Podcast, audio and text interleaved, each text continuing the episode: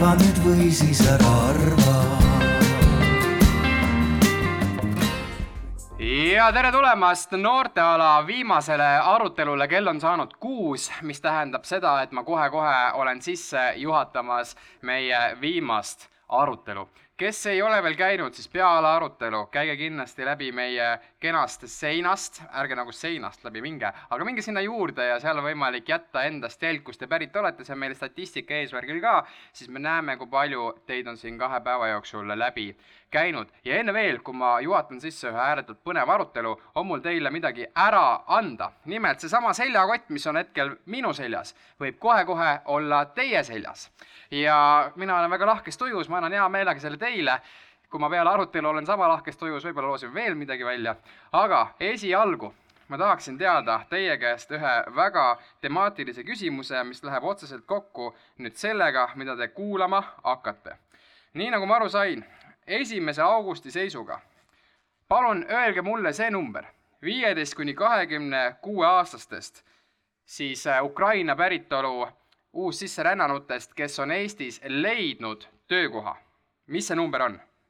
viieteist kuni kahekümne kuue aastastest Ukraina päritolu uussisserännanud, kes meil siin on, kui palju nendest on leidnud töökoha? mis see number olla võib? nii, ja mis see numbriliselt olla võib? Mis, võite oksjoni stiilis mulle hüüda, siis ma kuulen hästi. viissada on vähe seitsesada viiskümmend ka vähe. tuhat ka vähe. tuhat viissada hakkab lähedale minema, aga vähe. tuhat seitsesada läks paljuks. tuhat kuussada on tõepoolest õige vastus, daamid ja härrad, sind ootab seljakott, teeme ühe aplausi sulle, ole hea, tule siia. siin on uhke D5 kotikene, siia mahub sulle kõike head ja paremat. Nii et ole lahke. Ja nüüd ilma pikema sissejuhatuseta vaatame üle, mis meil viimane arutelu toomas on. järgmised poolteist tundi on meil sisustatud, sellepärast et me hakkame rääkima koos panelistidega ja esmalt väikese ettekandega sõjapõgenikest Noored Eestis, kuidas toetada ja esmalt teeme palava aplausi meie moderaatorile, daamid ja härrad, Mikk Tarrus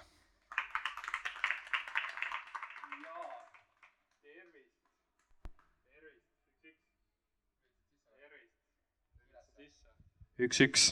tervist, aitäh, Roger. mina olen Mikk Tarras, olen Haridus- ja Noorteameti peaekspert ja täna viin läbi arutelu Ukraina noortest ehk kuidas me saame toetada Ukraina noori Eestis ja mida võiks teha nii kogukond, üksikisik, riik, aga ka näiteks ettevõtjad.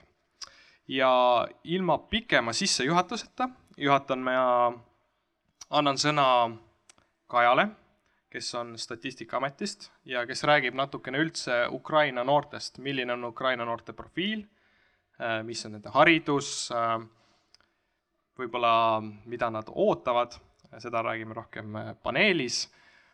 ja palun, Kaja, sõna on sul. aitäh!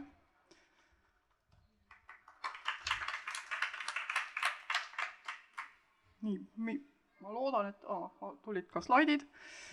Äh, räägin teile siis äh, nii palju, kui praegu õnnestub erinevate registrite andmete kokkupanemisest äh, teada saada Ukraina noorte kohta, et see ei ole väga lihtne. eriti palju andmeid nende äsja Ukrainast saabunud inimeste kohta meil registrites ei ole, aga siiski mingi pildi on või mingi pilt on võimalik saada. ja kasutame siis äh, kõigepealt seda ajutise kaitse äh, saanud isikute nimekirja, mille me oleme siis linkinud rahvastikuregistri andmetega, Töötukassa, mitte Töötukassa, vaid töötamise registri andmetega ja sealt siis äh, üritanud mingisuguse pildi kokku saada nende põgenike kohta kõigepealt siis on meil tulnud kümneid tuhandeid põgenikke Ukrainast äh, alates äh, veebruari lõpust äh, ja nendest natukene üle kolmekümne tuhande on taotlenud ajutist kaitset ja saanud ajutise kaitse. ja ajutine kaitse siis sisuliselt tähendab elamisluba, mis annab siis äh, nendele Ukraina põgenikele täpselt samasugused õigused, nagu on Eesti elanikel, et nad võivad siin töötada ja õppida ja ja taotleda toetusi ja, ja kõik, kõiksugu muid äh, vajalikke toiminguid teha. Äh, nüüd, milline see põgenik välja näeb, et äh, nagu teada, siis Ukrainast ei lasta eriti palju täiskasvanud mehi lahkuda ja sellest siis tulenebki, et meil see rahvastikupuu näeb väga selline kummaline välja.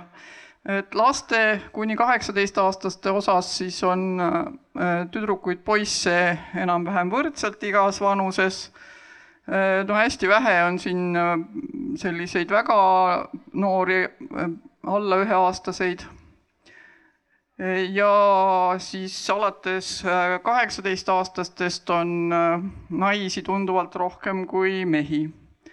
Kusjuures viimasel ajal on mehi natukene rohkem hakanud proportsionaalselt tulema, ma ei tea, kas see on nüüd seotud sellest läbi Venemaa deporteerit- või noh, Ukrainast Venemaale deporteeritutest, aga alguses oli nagu see suhe mingi kümme protsenti mehi ja nüüd on kolmandikuni peaaegu jõudnud. ja hästi palju on siis noori ja lapsi põgenike hulgas. Proportsionaalselt siis pooled on äh, alla või noh, kuni kahekümne kuue aastased. ja siis see vanuserühm, millest ma nüüd räägin, äh, mida siis noortena defineeritakse, on siis seitsme kuni kahekümne kuue aastased, neid on siis umbes kaksteist tuhat. ja need, nad on kolmkümmend kaheksa protsenti on neid kõigist põgenikest ja kui nüüd vaadata natukene lähemalt, siis seitsme kuni kahekümne kuue aastaste soo vanusjaotust, siis siin ongi näha äh, ilusti, et et alates üheksateistaastastest siis äh, see vanus on nüüd esimese augusti seisuga, sellepärast on siin ka kaheksateistaastasi me-, poisse või mehi äh, päris palju, sest nad on võib-olla enne sünnipäeva saanud äh,, tulnud siia, aga alates siis üheksateist aasta vanustest on äh, meesterahvaid tunduvalt vähem kui naisi. nüüd, äh, kui vaadata, kuhu nad siis on asunud Eestis elama, siis me praegu teame rahvastikuregistrist umbes äh, kuuekümne nelja protsendi elukohta maakonna tasemel ja noh, täpsemalt ka, aga ma vaatasin siin maakonna tasemel et valdavalt siis üle poolte neist, äh, viiskümmend kuus protsenti on registreeritud Harjumaale, siis enamus muidugi Tallinnasse. Äh, ja teised maakonnad on siis, moodustavad kõik kokku nelikümmend neli protsenti. ja noh, põhiliselt siis, äh, kui vaadata, millised need teised maakonnad on, siis neid seal on ka, kui suurem või rohkem põgenikke on siis suuremates maakondades Tartu, Ida-Viru, Pärnu ka Lääne-Viru maakond ja väiksemates maakondades on siis palju vähem arvuliselt.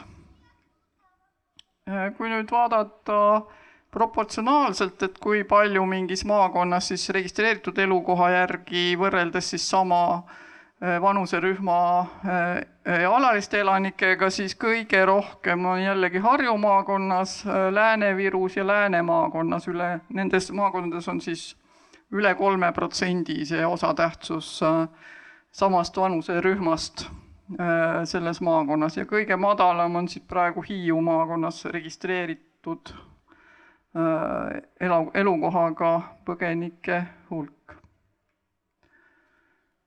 nüüd kuueteistkümnenda juuni seisuga pole väga värsked andmed, aga vaatasin siis Haridussilmast äh, kui paljud on siis ennast registreerinud äh, kuskile kooli äh, õpilasteks, et kokku siis põhihariduse tasemel oli kolm tuhat ükssada registreeritud ja gümnaasiumi tasemel ainult sada üheksakümmend.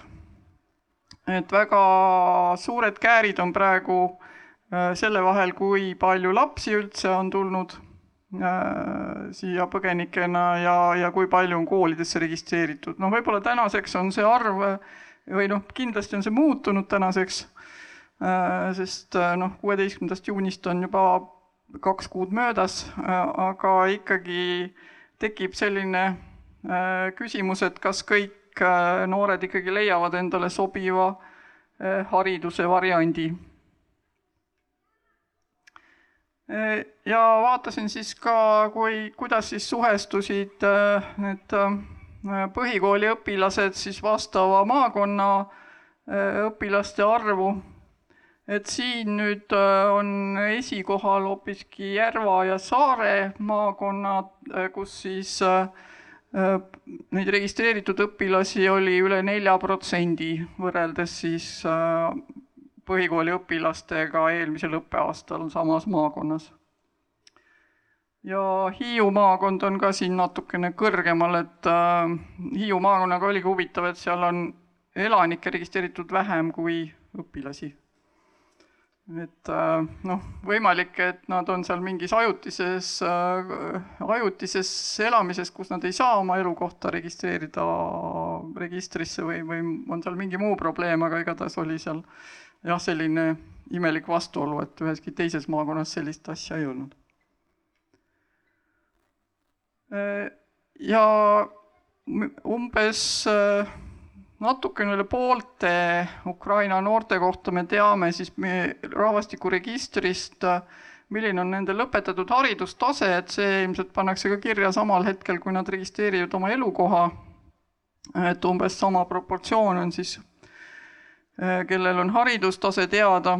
Äh, ja siin siis jagasin nelja vanuserühma, et äh, kuna Ukraina haridussüsteem on natukene teistmoodi üles ehitatud, siis nad jõuavad mingite verstapostideni natukene varem, et juba mõned seitsmeteistaastased on keskhariduse või kutseharidusega ja kaheksateistaastastest juba enam-vähem pooled olid keskharidusega ja edasi juba kahekümne ühe aastast, kahekümne ühe kuni kahekümne kolme aastaste rühmas on päris palju juba kõrgharidusega noori ja nende sellest kõige vanemas vanuserühmas juba pooled on kõrgharidusega ja sellele lisandub veel siis äh, selline haridustase nagu keskeriharidus, mis on seal hallina näha, äh, mis, mida Eestis enam mingi paarkümmend aastat ei ole, aga äh, see on siis selline endine tehnikumi haridus, aga seda, see loetakse samamoodi kõrghariduse hulka, et äh, rahvusvahelise klassifikaatori järgi äh,. nii et äh, rahvusvahelise võrdluse järgi on siis Ukraina noored äh, väga kõrge haridustasemega, tunduvalt äh, kõrgema kui Eesti noored ja põhiliselt me siis äh, uurime tegelikult juba aprillikuust äh, Ukraina sõjapõgenike töötamist ja ma vaatasin siis ka, mille, mille kohta me teeme siis iganädalaselt kokkuvõtteid valitsusele. ja ma vaatasin siis ka ekstra, milline on noorte töötamine esimese augusti seisuga. et nagu siin sai välja hõigatud, et äh, tuhat kuussada noort oli siis esimese augusti seisuga äh, Äh, ajutise kaitse saanutest äh, endale töökoha leidnud. Äh, loomulikult on nende hulgas rohkem naisi kui mehi, sest noh, see proportsioon, sooline proportsioon on selline paigast ära. aga kui vaadata nüüd tööhõive määra vanusegrupiti, siis see on naistel ja meestel või poistel ja tüdrukutel üsna võrdne Äh, ainuke erinevus on siis kakskümmend neli kuni kakskümmend kuus vanuserühm, aga noh, arvata võib, et seal on põhjuseks siis juba väikeste laste eest äh, hoolitsemine, et naiste tööhõive määr seal oluliselt langeb võrreldes meestega. ja see kakskümmend neli kuni kakskümmend kuus vanuserühma tööhõive määr on isegi kõrgem kui keskmine äh, selline tööealiste sõjapõgenike tööhõive määr nüüd töösuhte pikkus on äh, kõigis vanuserühmades enam-vähem võrdne.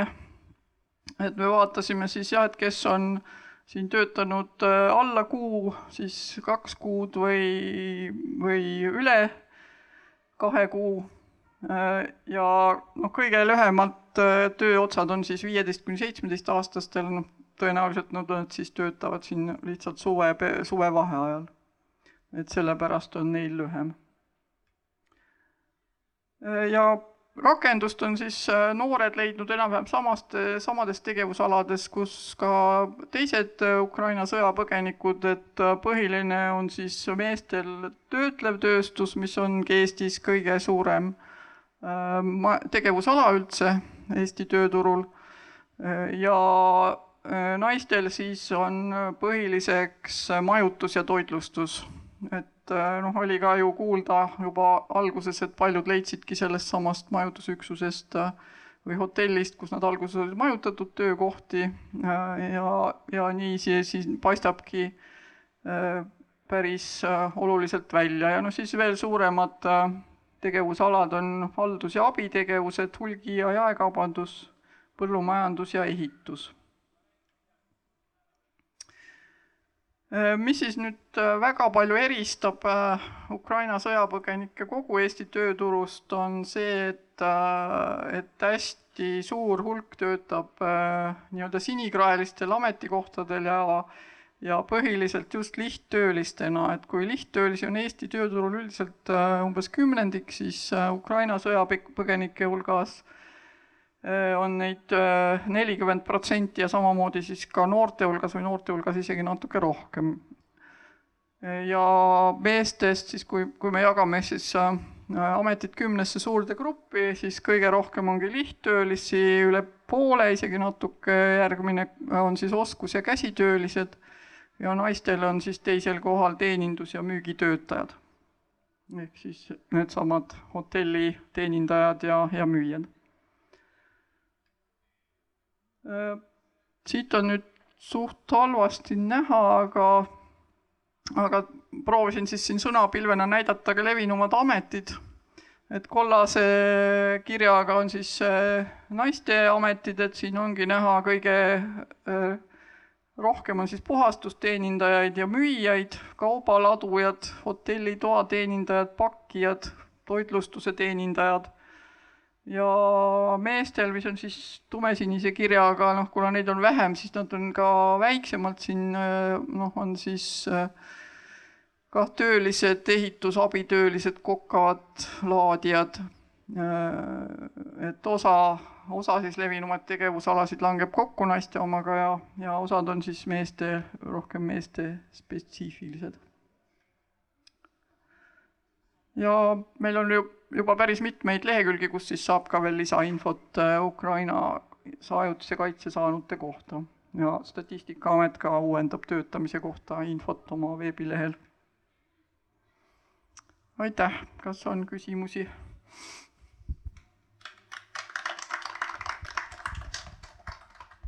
aitäh, Kaja, mul on üks äh, küsimus ka, et kas äh on infot, äh, kui palju osaleb Ukraina noori huvihariduses, on sul selle kohta ka infot?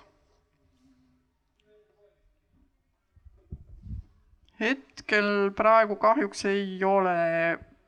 huvihariduse kohta on üldse keeruline infot saada, sest äh, see on nii äh, nii paljud erinevad äh, institutsioonid annavad seda huviharidust, et äh, see huvihariduse osa, mis EHIS-est, e-, Eesti Hariduse Infosüsteemist on teada, et see on nagu põhiliselt need äh, noh, sellised riiklikud institutsioonid, aga igasugused spordiühingud, spordiklubid, need, see, see pool, seda infot kokku saada on suhteliselt keeruline.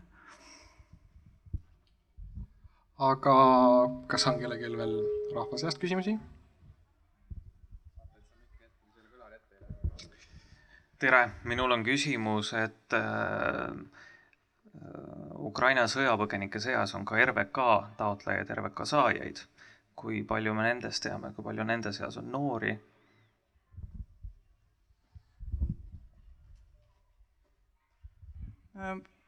me hakkasime seda stat-, tööd tööturustatistikat tegema Sotsiaalministeeriumi tellimusel aprillikuus ja siis oli see nagu nii väike osatähtsus, et siis me otsustasime, et me neid ei vaata ja no hetkel meil ei ole nende kohta kahjuks infot. aga nüüd on see arv juba päris, ma vaatasin, päris palju kasvanud, et ilmselt meil oleks vaja ka need juurde võtta ja praegu ma tõesti ei oska nende kohta midagi öelda. nii, aga aitäh ähm,, aitäh Kajale ja nüüd on äh, käes paneeli aeg, ehk siis äh, aplaus. osalejad võivad võtta istet ja niikaua, kui te istet võtate, saate ennast ähm,, saate mõelda soojendusküsimuse peale, et ähm, saate ennast põgusalt tutvustada. kes te olete, kust te tulete ja mis on teie seos Ukrainaga?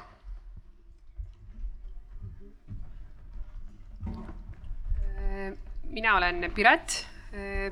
hetkel siis äh, on minu roll täita kultuuriministri ülesandeid Äh, Ukraina põgenikega ja Ukraina teemaga olen puutunud kokku juba väga-väga pikalt, äh, siis oma eelmises ametis äh, täites kultuurilise mitmekesisuse asekantsleri rolli. Ähm, ja sellest hetkest alates, kui kahekümne neljandal Ukrainas sõda algas, siis me oleme oma meeskonnaga iganädalaselt äh, kohtunud äh, Ukraina erinevate kultuuriorganisatsioonidega, tegelenud selle küsimusega, valmistanud ette erinevaid teenuseid, et, äh, et siia tulnud põgenikud hästi kiiresti kohaneksid selle ühiskonnaga. Ja, ja mõned päevad tagasi käisin ka siis vaatamas, kuidas inimesed elavad Isabelle laeval, nii et see teema on hästi-hästi aktuaalne minu senises, minu eelmises töös, aga ka siis selles töös, mis ma nüüd olen neli nädalat täitnud. tere mina olen Liina Põld, mina esindan Haridus-Teadusministeeriumi siin, olen äh, üldhariduspoliitika ja noortepoliitika asekantsler. ja nii nagu Piretki, siis äh, peale sõja algust Ukrainas, äh, kui hakkasid tulema meile siis sõjapõgenike pered ja muuhulgas siis lapsed, kelle haldusalas või noh, Haridus-Teadusministeeriumisse hal-, ministeeriumi haldusalasse kuuluvalt siis nii alusharidusest kuni kõrghariduseni ja, ja, ja ka noortevaldkond sinna juurde äh,, nii-öelda siis õigusaktide, igasuguste regulatsioonide, et, et nad saaksid siin kohaneda kiiresti, et neil oleks võimalus asuda lasteaeda, kooli äh, väljatöötamisega. Meie meeskond tegi algust, samamoodi ka erinevad äh, riigieelarvelised rahastusmeetmed, kõikvõimalikud äh, info ja, ja sellised juhised ja, ja, ja koostöö plot-, platvormid kohalike omavalitsuste koolidega, iganädalased kohtumised koolijuhtidega ja, ja, ja sellised ühelt poolt hästi praktilised, et, et lahendada seda olukorda kiiresti, eemaldada võimalikud takistused, et, et, et lastel-noortel oleks hästi kiiresti võimalik siin haridusteed jätkata ja teiselt poolt mõnes mõttes ikkagi sellised äh, mitte nii praktilised ja, ja, ja, ja, ja võib-olla nendele lastele-peredele lähedal olevad teenused, kuivõrd riik saab, eks ole, noh, ikkagi keskselt ja, ja niimoodi süsteemi tasandil asju äh, paremaks muuta, et äh, olen samuti kohtunud Ukraina noortega, külastades koos äh, ministriga erinevaid koole, lasteaialapsi näinud, äh, koolilapsi näinud. Kohe siin sõna saab. Danil on meie Haridus-Teadusministeeriumi suur sõber, keda minister isiklikult käis tänamas, et olles selline hästi tore Ukraina lastesaadik siin meil Eestis, nii et, et selles mõttes seda kokkupuudet on olnud üksjagu. Äh, tere, ma olen Anna, äh, ma olen pärit Ukrainast umbes neli aastat tagasi. Ma töötan Kose gümnaasiumis vene keele õpetajana ja ma tulin jutustama endast ja perest, oma perest ja meie lugu, kuidas elada Eestis tere, ma olen Danil, äh, ma olen Kose gümnaasiumi kooliõpilane.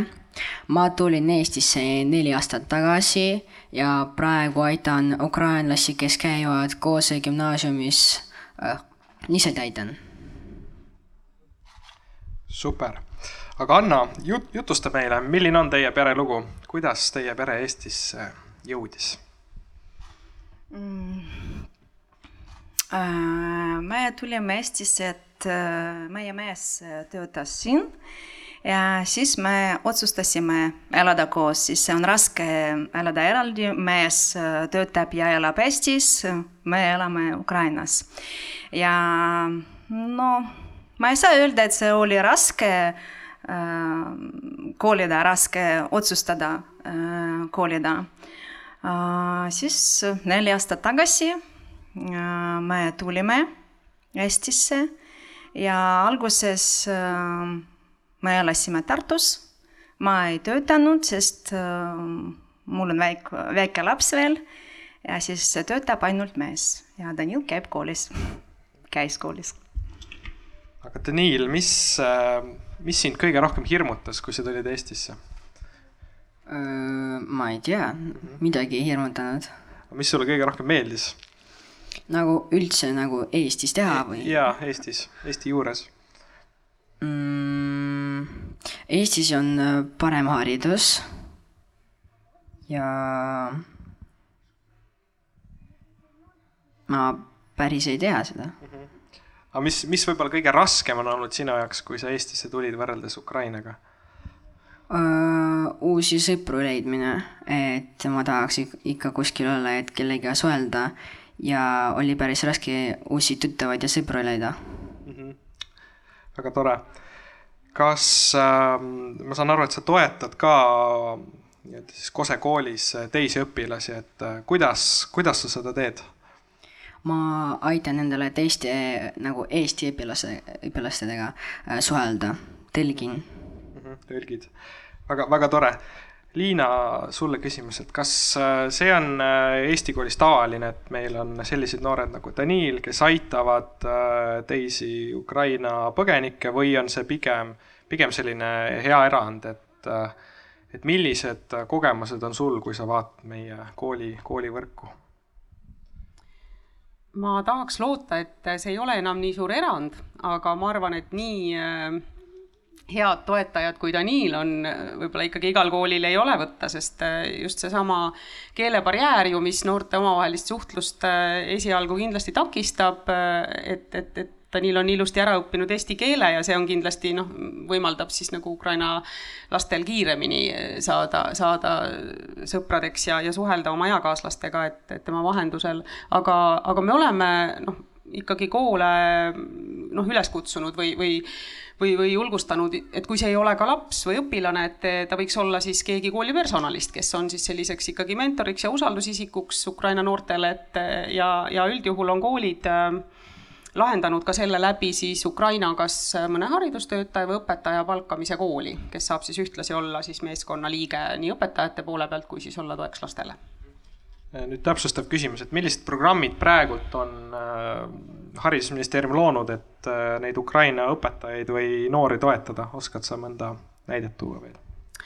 no meil on äh, kaks sellist nii-öelda koolitusprogrammi, mis üks tutvustab sellist Eesti haridussüsteemi tervikuna, et kui Ukrainast tulnud äh, õpetaja või haridustöötaja äh, siia saabub, et siis ta üldse saaks aru, et mis see Eesti haridussüsteem endast kujutab, et kuidas meil natukene mõnevõrra on nagu koolisüsteemid erinevad, et Ukraina lapsed lähevad kuueaastaselt kooli ja lõpetavad gümnaasiumi varem, neil on üksteist aastat gümnaasiumi, nad natuke erinevas hindamisskaalal saavad hindeid ja, ja, ja ka siis võib-olla see kaasava hariduse komponent, mis on Eestis mõnevõrra erinev, et, et nii selline koolitus ja siis ka keelekoolitused, mis on kõikidele Ukraina õpetajatele. ja seda siis ka koostöös siis Kultuuriministeeriumi haldusalas olevate keeleõppeprogrammidega, nii et sellest saab siis juba Piret rääkida. Piret, et käisite siin just hiljuti sõjalaeva, nii-öelda selle lahe sõjalaeva laeva peal Isabella, et äh, mida, mida põgenikud teile rääkisid, et mis, äh, mis nende jaoks kõige põletavamad teemad olid ja, ja mis olid kõige põletavamad teemad just äh, noorte põgenike jaoks?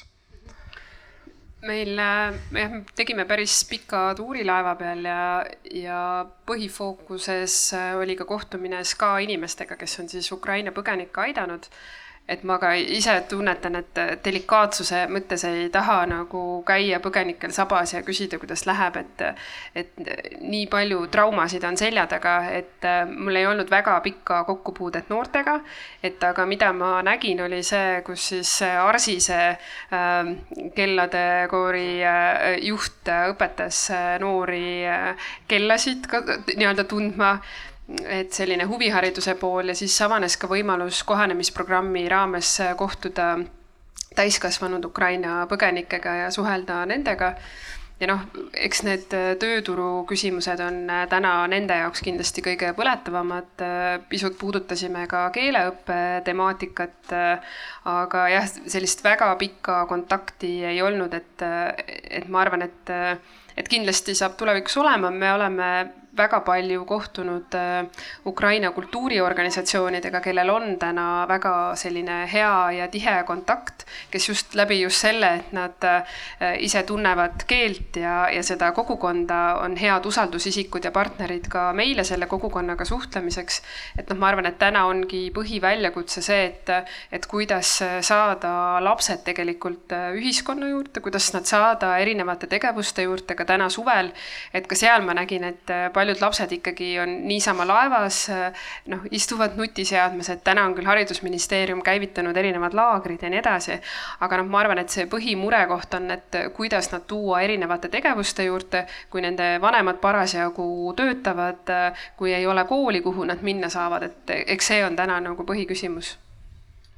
Küsingi siinkohal Annalt, et äh, kuidas, kuidas võiks Ukraina peresid toetada niimoodi, et äh, noored läheksid huviharidusse, noored läheksid kooli. et millist tuge teie ootaksite? no hea küsimus um,.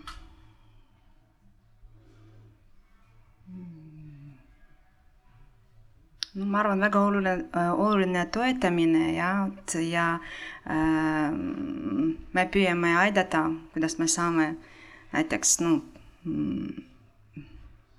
me küsime, mis on vaja, mis on vaja laste jaoks näiteks või noorte jaoks näiteks, noh.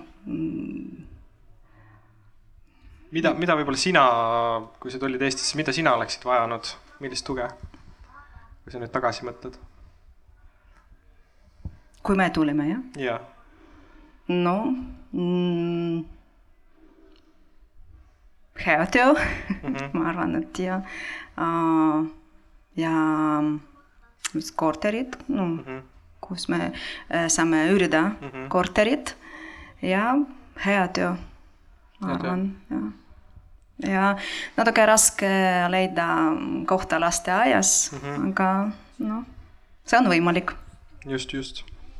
Daniil, kuidas, kui me nüüd räägime keeleõppest, kuidas kuidas sul keeleõpe äh, läks, kuidas siin hästi eesti keele said selgeks? Äh, minu arust eesti keel pole üldse raske, äh, keeleõpe oli väga lihtne. ma õppisin eesti keelt mitte raamatuabiga, vaid ma suhtlesin eest-, eestlastega.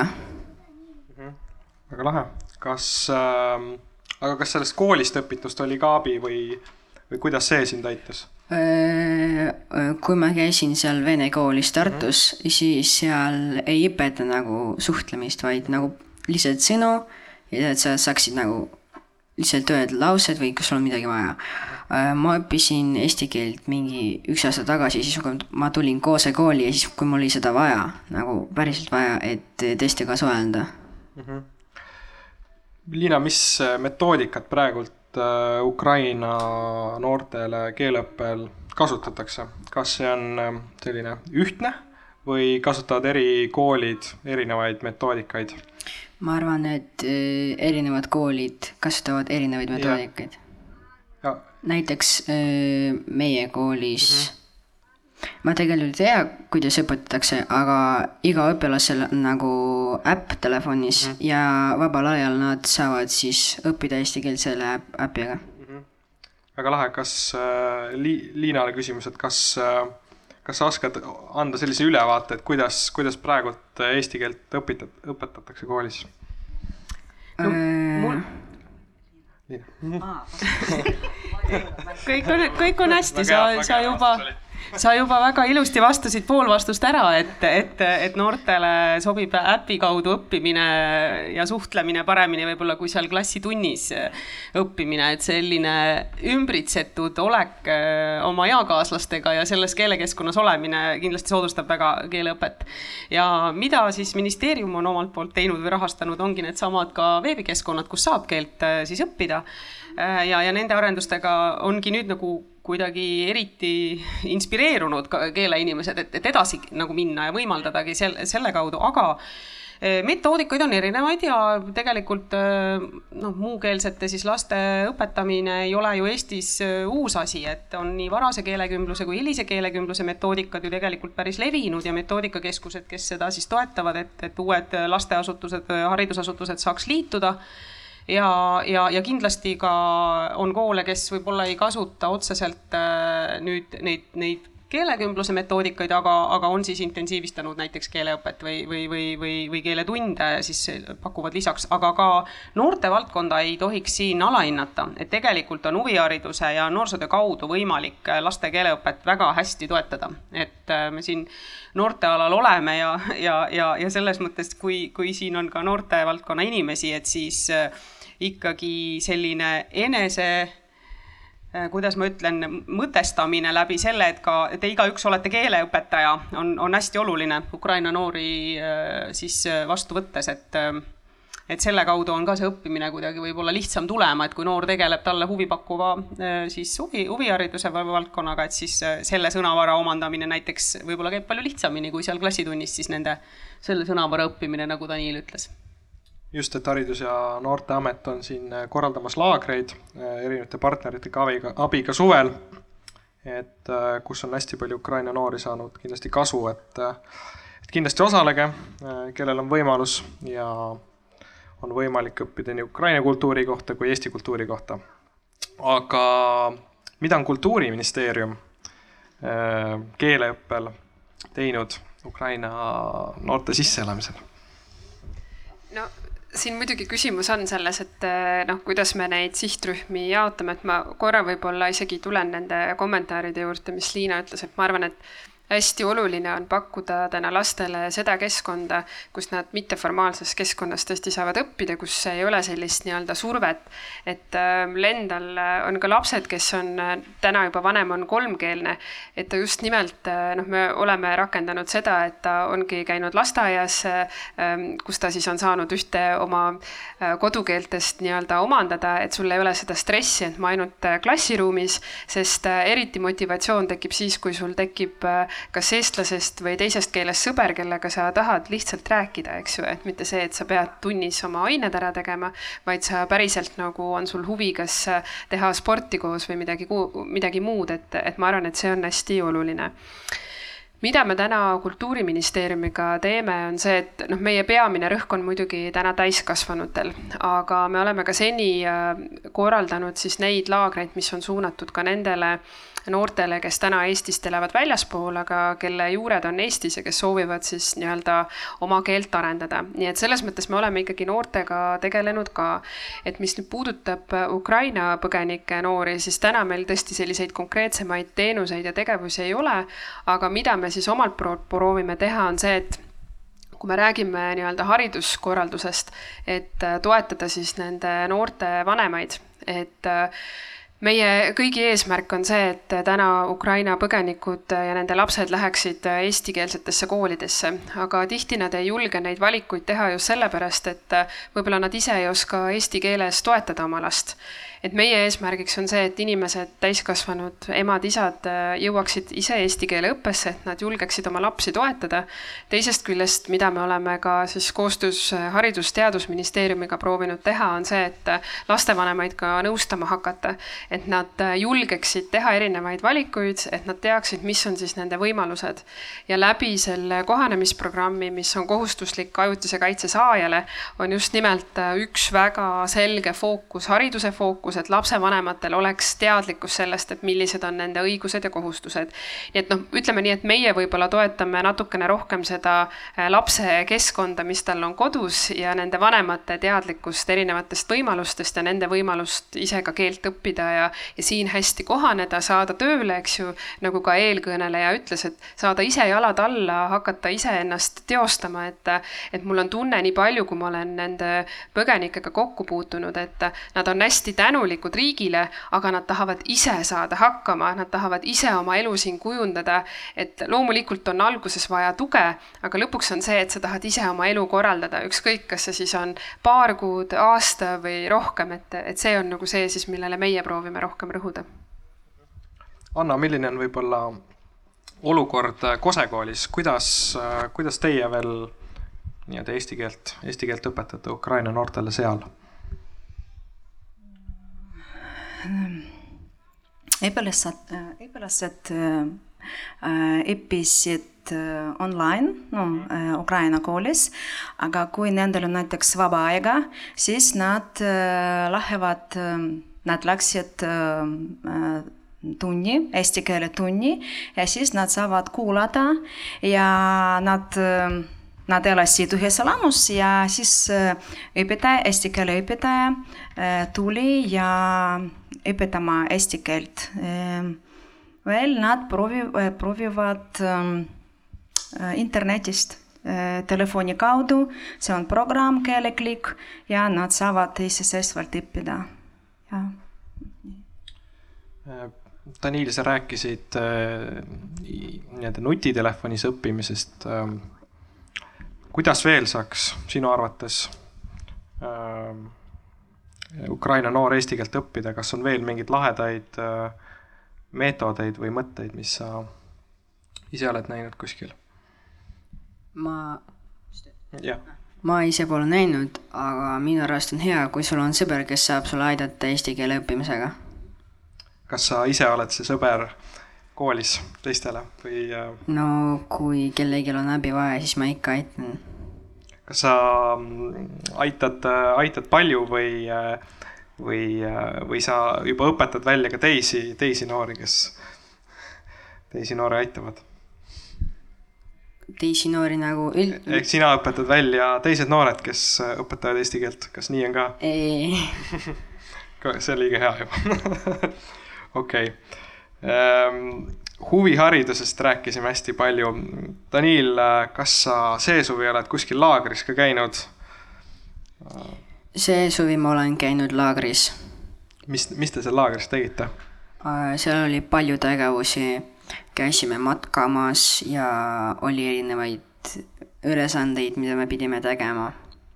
kas sa nägid, et äh, teised Ukraina noored said äh, said keele paremaks tänu sellele, et nad äh, laagris käisid? seal ei olnud äh, nagu no, äh, ukrainlasi. okei okay., et see oli lihtsalt huvi, huviharidus? jah. okei okay,, väga lahe.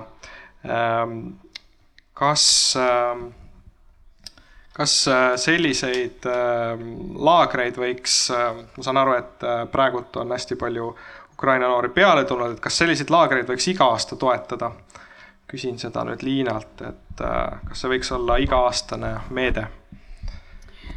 jaa, kindlasti võiks, ma arvan, et sellised suvised laagrid on äh, just, et see mitteformaalne mm -hmm osa selles, et, et kooli me teame, et kool on kõigile kohustuslik ja, ja, ja, ja, ja võib-olla jah, et nii nagu, nagu oli enne jutuks, et, et, et kas see keel seal siis Äh, tuleb selgeks õppida ja, ja võib-olla natuke tuleb vaevaliselt, et just seesama huvipõhine, et need sellesuvised laagrid oli hästi tore vaadata, et seal oli tõesti selliseid tehnika ja, ja, ja robootika ja ma ei tea, spordi ja kultuuri ja teatri tegemist ja kõike, kõike, mida, mida siis pakuti. et ta oligi nagu sellise läbi huvihariduse lähenemise, aga mõte oli selles, et, et pooled on siis Eesti ja pooled Ukraina noored ja, ja omavahel siis nad lõimuvad ma ei ütleks, et noortevaldkonna inimesed, kes laagreid korraldavad, oleksid nüüd ülemäära ähm, tuttavad nende, just nimelt nende keeleõppe metoodikatega ja, ja, ja tegelikult see oli üks meie õppetund, et, et oleks võib-olla pidanud paar sammu veel ette planeerima ja, ja, ja jõuda, et jõuda neid koolitada.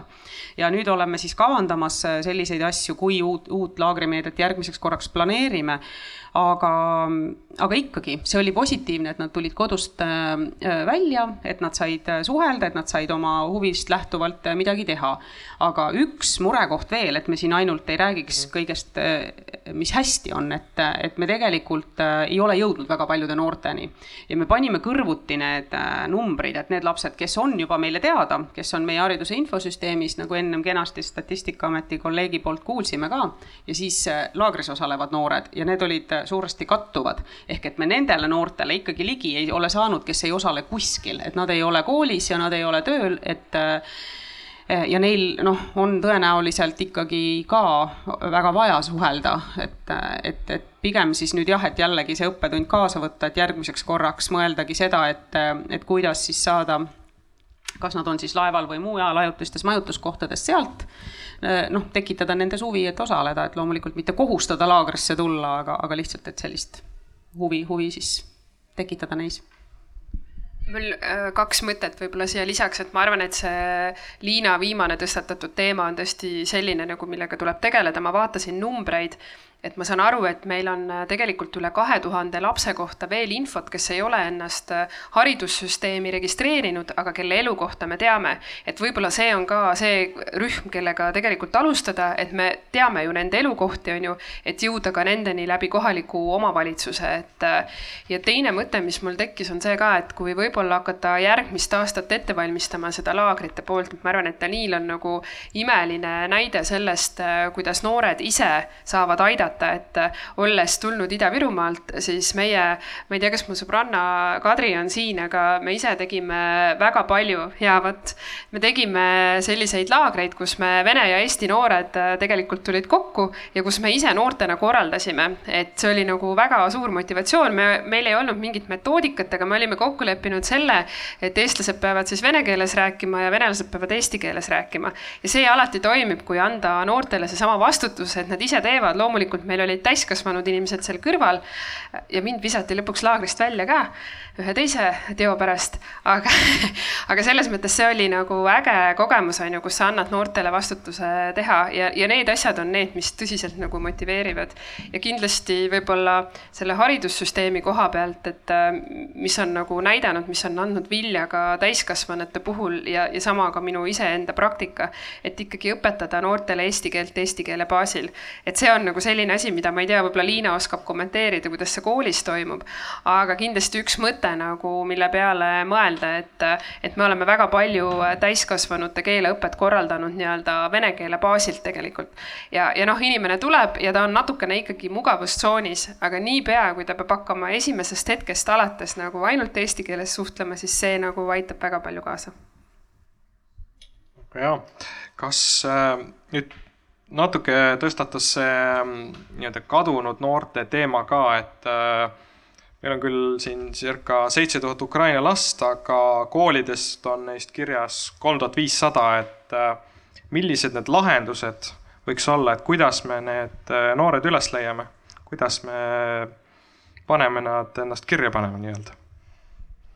ma võib-olla natuke seda tausta selgitan, et aru saada, miks see nii on, et kui Ukrainas sõda hakkas ja, ja pered tulid Eestisse, siis esimene ja kõige pakilisem ja kõige olulisem probleem, mis tuli ära lahendada, on see, et inimesed saaksid äh, äh sõjakoldest ära ja saaksid äh, omale peavarju ja saaksid tulla turvalisse paika. ja, ja meie Haridus-Teadusministeeriumi poolt võtsimegi kohe sellise põhimõte ja kokkulepe, selle me tegime ka koolidega, Ukraina kogukonnaga, et, et kool ei ole siis nendele esimene asi ja, ja see ei ole, et me ei kohusta. kevadperioodil kuni siis nii-öelda nüüd tuleva esimese septembrini on selline kohanemisperiood ja nad ja kuna ka Ukraina Haridus-Teadusministeeriumiga me olime väga tihedas suhtluses, oleme tänaseni, eh, pakkusid kohe ka nendele erinevate distantsõppeplatvormide kaudu tegelikult võimalust noortele osaleda veebiõppes. ja materjalid olid kenasti olemas, et kus olid õpetajad online tundidest lausa ja kus siis võib-olla noh, mitte, sest seal on ka piirkondi väga erinevaid, kus olid koolid maatasa pommitatud, seal ei olnud see võimalik. aga sisuliselt meie nagu riigi poolt võtsime selle seisukoha, et esimene esimene mure ei ole nendel, et nad kohe kooli nüüd peaksid tulema. nüüd me oleme seda seda tegelikult äh, väga selgelt kommunikeerinud äh, ja rääkinud, et see oligi kohanemise periood, ka võib-olla rohkem just nimelt, et leida neile ka rakendust läbi, läbi huvihariduse valdkonna, läbi, läbi noorsootöö valdkonna, kaasata neid küll kooli erinevatesse tegevustesse, aga mitte siis nii-öelda sundida neid, neid kontrolltöid seal kohe tegema, eks ole. et, et, et tõesti, et, et lapsed saaks nagu aru, et kuhu nad tulnud on ja, ja, ja kuidas siin need asjad käivad nüüd, mis puudutab seda, et esimesest septembrist on ikkagi noh, koolikohustuslikust east lastest me räägime siis kuni seitseteist Eestis, eks ole, põhiharidus sisuliselt on meil kohustuslik gümnaasiumisse ja, ja ka kutsekoolidesse on jõudnud tegelikult pea nelisada noort, enne siin äh, kolleeg jällegi Statistikaametist ütles, et, et kakssada jah, gümnaasiumis ja teist kakssada äh, kutsekoolis. et võimalused neil osaleda kutseõppes ja gümnaasiumis on olemas ja samuti, kui kohalikus omavalitsuses on kohti, siis kindlasti ka alushariduses, aga meie nagu nüüd jälgime hästi pingsalt seda koolikohustuse osa, sest enne oli ka jutuks, et, et mida tähendab ajutine kaitse, et ajutine kaitse tähendab küll kõiki õigusi sulle justkui samusuguseid, eks ole, nagu kõikidel teistel teistel riigis elavatel kodanikel, aga see tähendab ka kohustusi, nii et me tegelikult siin ei ole nagu väga leebed ja järeleandmisi ei tee, et laps võiks jääda nüüd terveks õppeaastaks veel distantsile ja see saab olema kohalike omavalitsuste ülesanne just nimelt esmalt need, nagu Piret ütles, on, kes on rahvastikuregistris, nendel on elukohajärgne kanne nii-öelda olemas ja kõik teavad, millisesse valda või linna siis see pere kuulub ja siis selle haridusameti või, või vastava siis äh, valla või linnavalitsuse haridusametniku kaudu saab ka siis neid kutseid äh, kooli siis äh, teha ja koolikohti pakkuda.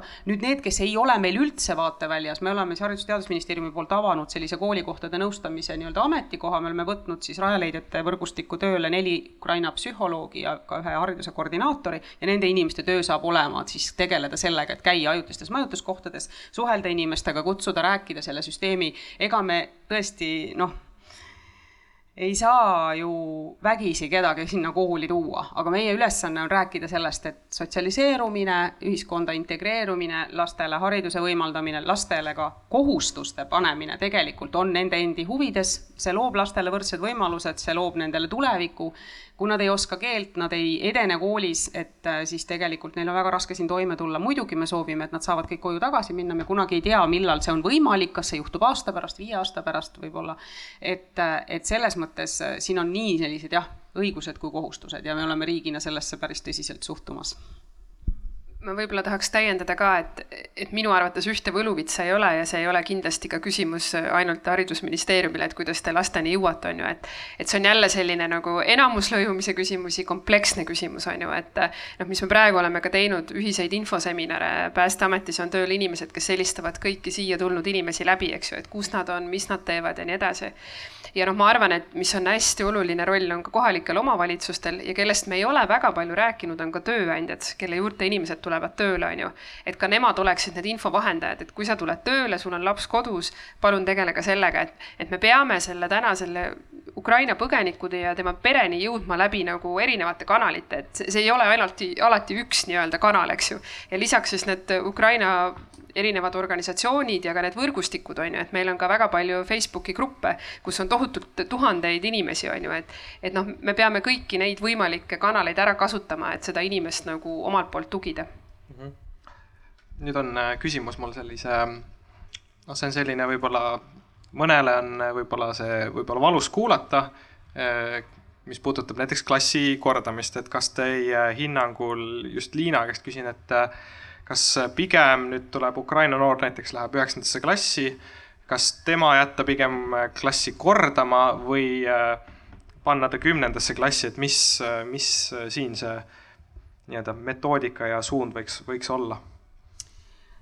Ehm, kui Ukraina noorel on käes põhihariduse tunnistus, mille ta on saanud siis oma Ukraina kooli eh, lõpetades sellel kevadel, nagu ma rääkisin, oli see nii-öelda kohanemisperiood ja ja tegelikult ka riiklikult nende tunnistuste nii-öelda saamine sealt, kui olles läbinud siis selle distantsõppe perioodi, oli ka korraldatud, et siis ei ole tal tegelikult põhjust minna uuesti tagasi põhiharidusse, et pigem ikkagi meie soovitame edasi minna õppima ja, ja siin on vahepeal üks selline päris eh, hea võimalus eh, kutsekoolide juures, juures, mis on kutsevaliku aasta, mis ei tähenda seda, et, et ta ei saa minna gümnaasiumisse õppima, aga võib-olla see gümnaasiumiharidus, eriti kui ta on nagu selline akadeemilisem, et ta on ka võib-olla raske esialgu kohaneda, kuigi sinna kõrvale saab kõiki keeleõppe tuge ja kõike pakkuda, aga, aga et, et võib-olla üldse näiteks noorel noh, et endast ka paremini aru saada, et mida ma teha tahan ja nii edasi, et see kutsevaliku aasta on hästi selline hea võimalus, mida me oleme soovitanud, et kui ka seal meie selles õppekohtade nõustamise konsultantidega rääkida, et siis mida ka nemad on välja toonud, et nad on peredele seda palju soovitanud.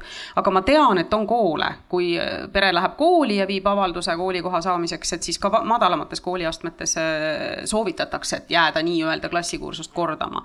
et just nimelt selle kohanemise ja keeleõppe koha pealt, et ma ei oska siin võib-olla sisuliselt äh, nende keelemetoodikutega siis nagu päris ühele pulgale ennast asetada, et ma ei, ma ei ole selles nii, ei tuge, ei tunne ennast nii tugevalt, aga ma arvan, et see ei ole nagu võib-olla noh, ühe, ülemäära ei tasu sellele keskenduda, et, et sa ei suuda aineõppes edeneda, kui sul ei ole keelt, et seda saab teha nõnda, et esialgu rohkem nendes õppeainetes, kus on vähem keelepõhist, me teame, mis need on, eks ole, kõik muusikad, kunstid, kehalised kasvatused, inglise keel, matemaatika ja nii edasi, nii edasi, on palju aineid, kus ta saab oma äh, eakaaslastega nii tavalises õppetunnis osaleda. ja on neid aineid siis, kus tal on tõesti võib-olla ühiskonnaõpetuses või ajaloos nagu keeruline aru saada, kuna teksti on palju ja mõistmist on palju, et siis seal võib-olla võttagi siis see individuaalne õppekava, nagu me formaalhariduses räägime, kõikidele nendele lastele tehakse individuaalne õppekava ja omal siis sobivas tempos ta saab seal siis edeneda.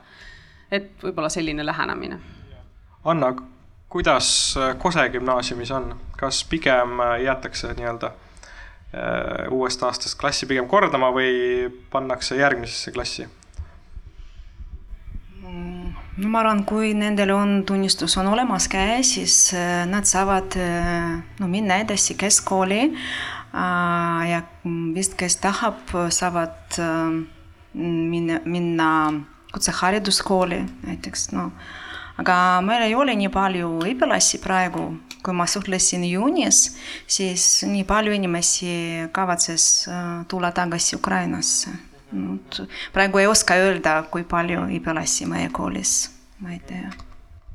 siin on nüüd küsimus ka näiteks huvihariduses, et äh, kui näiteks Ukraina noor käis Ukrainas seal korvpallitrennis, äh, balletikoolis, et mis võimalused tal täna võib-olla Eestis on äh, sama ala jätkata, et kas, kas teil on mõnda kogemust sellel teemal või, või, või, või näidet, et Danil, kas sa, kas sa oled käinud kuskil trennis, huvikoolis? Ukrainas ma olen käinud võrkpallis mm, -hmm. aga enne kui ma Eestis koolisin, siis ma lõpetasin sellega mm, -hmm. sest meie treenerile oli vaja koolida mm. -hmm. nii et ma ei saanud jätkata. ja siis, kui ma juba tulin siia Eestisse, siis ma hakkasin jalgpalliga tegelema. nii et äh, või, või võimalused on olemas, et yeah. Et kuidas, kuidas äh, haridusministeeriumi nii-öelda seisukoht on, kas äh, või, või ähm, on, on mõnda huvitavat näidet, kus äh, noor on tulnud siia ja, ja temast tehakse nii-öelda tipp, tipp, tippsportlane? vaat nüüd tippsportlast ma ei tea, aga ma tean, et tippmuusikut Äh, kes, kelle kasvulava on laste muusikakoolid, seal on Ukraina noori üle Eesti juba päris mitmeid, nii et kellel on äh, huvikoolid äh, jäänud Ukrainast pooleli, nii samuti kui üldhariduskoolid, et omavalitsuses ju need võimalused on olemas ja, ja ka riigi poolt me oleme neid õppekohtade rahastamist nõnda siis korraldanud, et ka, ka siis sinna huvihariduse valdkonda seda raha jaguks. Et ja hiljuti siin rääkisin kolleegiga Haapsalust, et nemad on teinud siis selliseid iganädalasi nagu esialgu, kui tuli rohkem noori või noh, üldse tuli rohkem sõjapõgenikke, seal on ka ajutised majutuskohad, et nad tegid iganädalasi selliseid infohommikuid, et just nimelt tutvustada neid võimalusi ja seal ka täiesti sellised, enne oli juttu siin, et, et, et huviharidust on nagu keeruline statistiliselt ühele pildile saada, kuna on palju erategijaid ja pakkujaid. et nad kutsusid ka sinna just nimelt selliseid jalgpalliklubi ja igasuguseid erinevaid nagu era, era, erahuvihariduse pakkujaid ka tutvustama just neid võimalusi, et noored sellest osa saaksid ja ministeeriumisse on pöördunud meie poole ka mitmeid äh, siis klubide esindajaid just nimelt spordi poole pealt, kes on soovinud tööle võtta Ukraina treenereid. Äh, et, äh, et, et kuidas siis, et kas, kas noh, ühesõnaga küsimused olid selles osas, et mis puudutas nagu rahastamist ja nii edasi, aga jah, et just, et kui oli küsimus, et kas on näiteid ja kaks kaks äh, tantsutreenerit olid kohe Tartus sinna Chate tantsukooli, ma tean juba, mis kas teisel või kolmandal nädalal, kui, kui nad hakkasid siia Eestisse jõudma, olid juba tööle võetud, et noh, selliseid hästi toredaid näiteid, aga jah, ütleme nagu süsteemset ülevaadet, nii nagu enne oli juttu, meil huviharidusest hetkel ei ole võib-olla ma täiendan ka, et, et kindlasti ei saa me ära unustada, et Eestis juba on, oli enne kolmkümmend tuhat Ukrainast tulnud inimest, on ju, et kes on noh, siiski kohanenud selle, selle eluga ja, ja kindlasti jõudnud ka haridussüsteemi, aga et korra ma tahtsin ka hea näitena tuua, et et kui ma laeva peal käisin, et siis toodi ka see, et, et mitmed spordikoolid tegelikult tulevad bussidega sinna laeva lastele järgi, noh muidugi see kõik toimub, teatakse, kes läheb, millal läheb ja nii edasi, aga praegu on juba tegelikult spordikoolid tulnud appi ja, ja proovivad oma tegevustesse tulnud lapsi integreerida, et ma ise olen ka meie spordivaldkonnaga rääkinud, et tegelikult tegelikult on huvi hästi suur. Ja see ei ole mitte ainult sellepärast, et nad peavad või et see nende jaoks kuidagi rahaliselt võimalik on, vaid see, et tegelikult lihtsalt tahetakse appi tulla. ja noh, mis praegu ka meie valdkonna poole pealt oli see, et, et kõik Ukrainast tulnud põgenikud saavad ka tasuta minna muuseumisse ja ka raamatukogud on palju suuremas valmisolekus, et kindlasti tuleb ka siis neid asutusi nagu ära kasutada, et need ei ole nii-öelda huviharidus klassikalises mõttes, kus sa käid kaks-kolm korda nädalas, aga see jälle loob nagu teistsuguse sideme ja võimaluse olla selles kultuuriruumis, olla selles keskkonnas siin vahepeal on publikul tekkinud küsimusi seoses keeleõppega, haridusega, huviharidusega? tere, minu nimi on Kirill, olen Sotsiaalkindlustusametist kriisispetsialist. minul on küsimus selles, et äh, eelkõige noh, enne kui ma küsin, tegelikult tahaks öelda Daniil ja Anna, et väga suurepärane eesti keel äh, lühikese aja jooksul ja, ja tõesti kõva progress.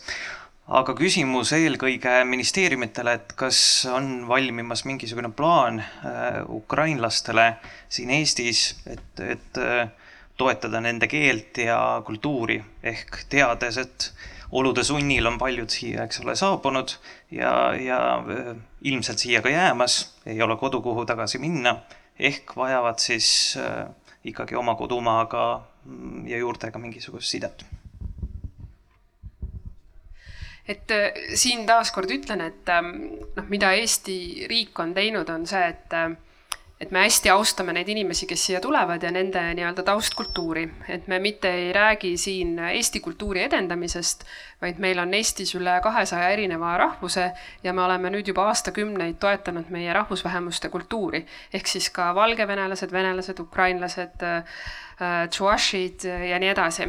ja me oleme sealhulgas ka toetanud äh, kahte suurt Ukraina kultuuriorganisatsiooni ja teeme seda jätkuvalt ja oleme ka nende koostööd tihendanud aga hea meel on selle üle, et äh, valitsuse koalitsioonileppes on ka sees see punkt, et toetada veel praegu nii-öelda ekstra ja erandkorras äh, Ukraina põgenike nii-öelda võimalust oma kultuurist osa saada. Ja just praegu äh, sellel nädalal, kas eile toimus siis kokkusaamine Ukraina organisatsioonide ja ka põgenikega, et siis läbi mõelda, et millised võiksid need meetmed olla, et kuidas see ressurss jõuaks nendeni, et kas siis erinevad organisatsioonid saavad taotleda, et praegu see läbimõtlemine käib. nii et kokkulepe valitsuses on selles küsimuses olemas ja ma, ma loodan hästi kiiresti nii-öelda me saaksime selle meetme rakendada, aga juba täna on tegelikult võimalused olemas ja, ja me toetame neid erinevaid äh, rahvusi, kes siin siis Eestis on, nii, nii Tallinnas, Tartus, Ida-Virumaal, et, et see koostöö on hästi tihe ja see oli ka väga hea selles mõttes, et tänu sellele me olime ka valmis paremini võib-olla selles kriisis toimetama, et need suhted olid juba olemas riigi tasandil nii et ja, ja mitte ainult ka Ukraina organisatsioonidega, aga esimesed organisatsioonid, kellega mina isiklikult kohtusin, oli Vene ja Valgevene.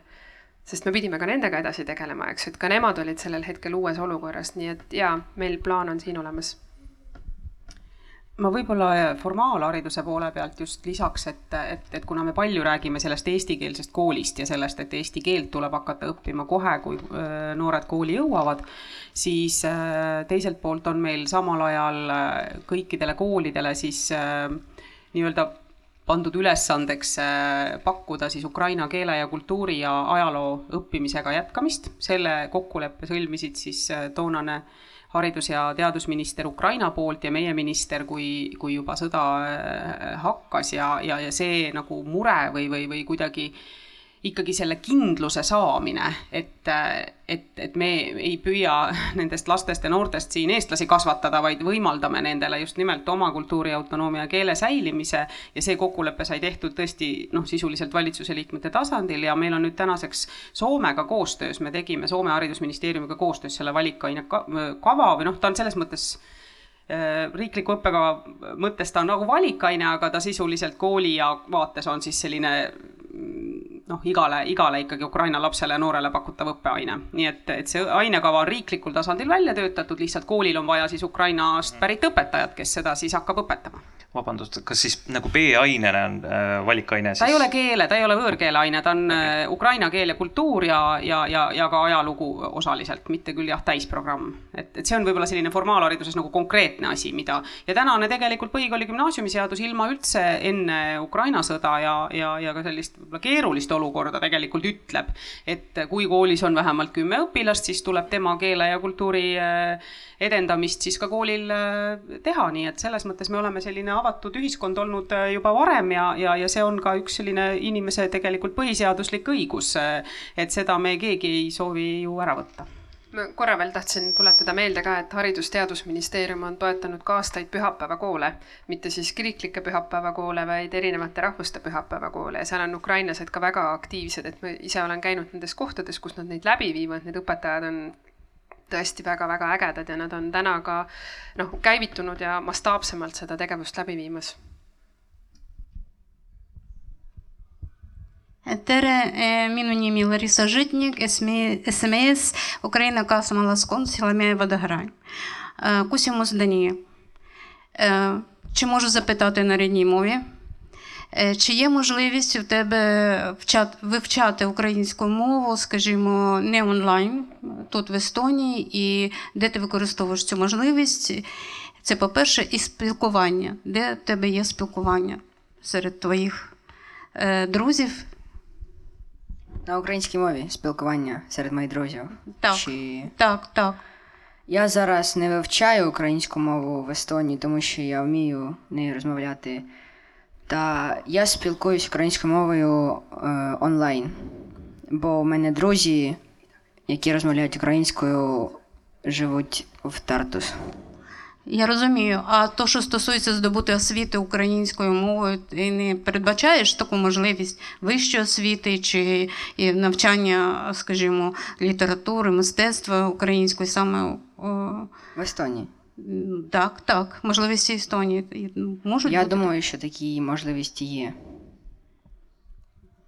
Запрошуємо тоді до недільних шкіл і все, що з цим пов'язано, до спілкування.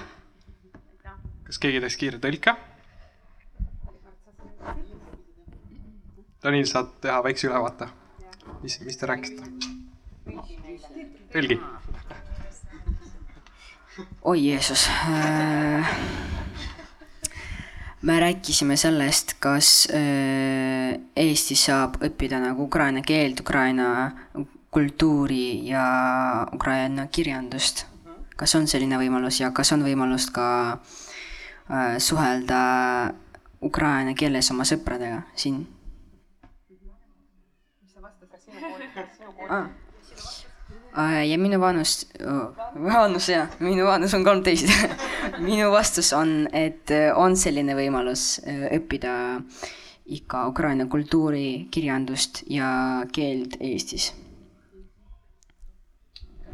no siis teil on hästi tubli kool, et ta on juba sellel kevadel seda teinud, et meie praegu nüüd nagu sellest, millest mina rääkisin, et see rakendub siis sügisest ja, ja vastavalt siis seal koolides, kus on need Ukraina õpetajad juba olemas, siis koolid peavad sellega tegelema, et need Ukraina õpetajad endale saada, et selge on, et Eesti õpetajad ei ole, eks ole, ette valmistatud seda tegema aga noh, võib-olla siin on ka see, et, et väga hea, mida ka Haridusministeerium tegi, oli see, et äh, kohe tekkisid ka nimekirjad nendest õpetajatest, keda kaasata, et kohe hakati tegutsema, on ju, et meie omalt poolt proovisime siis nendele õpetajatele kohe seda eesti keele kursusi pakkuda, et neil tekiks selles keskkonnas ka nagu võimalus aru saada.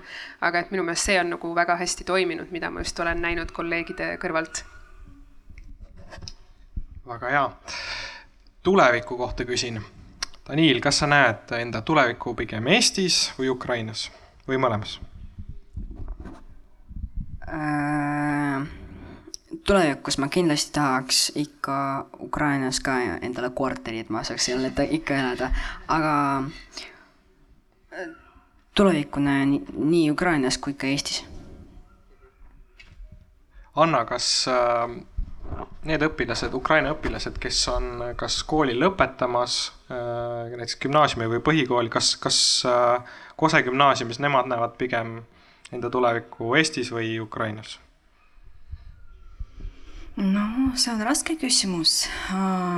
see sõltub, millised plaanid inimestel on ja no vist rohkem, kes lõpetas no gümnaasiumi, siis nad tahavad õppida Eestis rohkem.